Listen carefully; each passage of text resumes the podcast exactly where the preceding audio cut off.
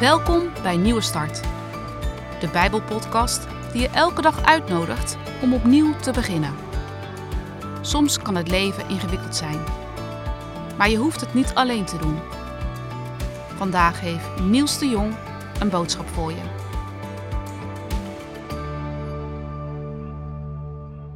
Blijkbaar kijkt God niet op een jaar meer of minder. Want het duurt wel erg lang bij Abraham voordat dat beloofde kind er komt. Er is niets van te zien. Al 24 jaar niet. En wat doet God dan? Hij doet er bij Abraham gewoon nog een schepje bovenop en belooft hem nog meer dan eerst. Luister maar naar Genesis 17. Abraham maakte een diepe buiging en God ging verder. Voortaan heet je niet meer Abraham, maar Abraham. Ik beloof je dat er later heel veel volken van je zullen afstammen. Ik zal je heel veel nakomelingen geven. Er zullen niet alleen veel volken van je afstammen, maar ook veel koningen. Ik doe je een belofte die ook geldt voor je nakomelingen en voor alle generaties na jou. Ik zal jouw God zijn en de God van je nakomelingen. Je bent nu een vreemdeling in het land Canaan, maar ik zal dit hele land aan jou geven.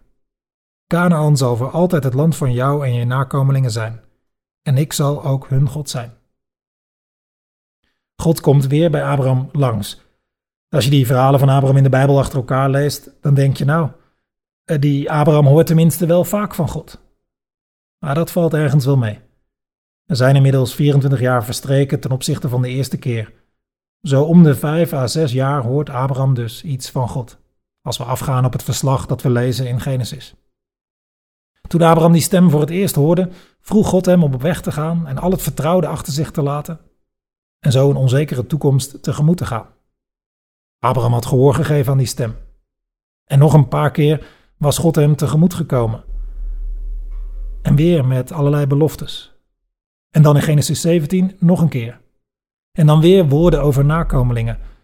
En God doet daar er gewoon nog een schep bovenop, lijkt het wel. Hij maakt een verbond. Je zou kunnen zeggen, het wordt officieel gemaakt.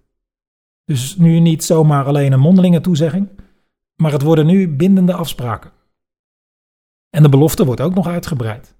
Niet één volk zal uit Abraham voortkomen, maar vele volken. En vele koningen.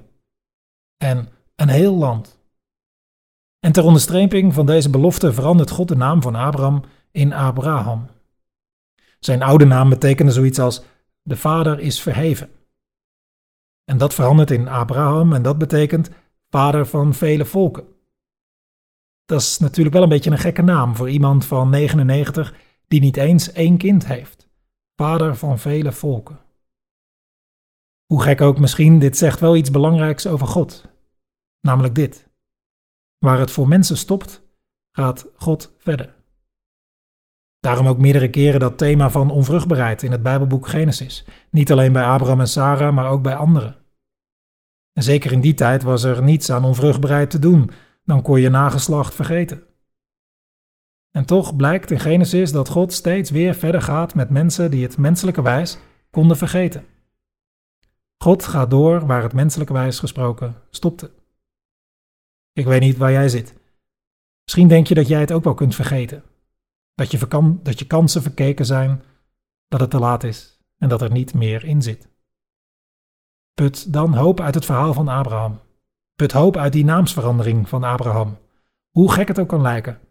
God gaat verder waar het voor mensen stopt. Grootste bewijs daarvan is Jezus. Het leek definitief over en uit toen hij stierf aan een kruis. Maar God wekte hem op uit de dood. Want God gaat verder waar het bij mensen stopt. Dat was bij Jezus zo, bij Abraham. En als je God je vertrouwen geeft, is dat ook zo bij jou.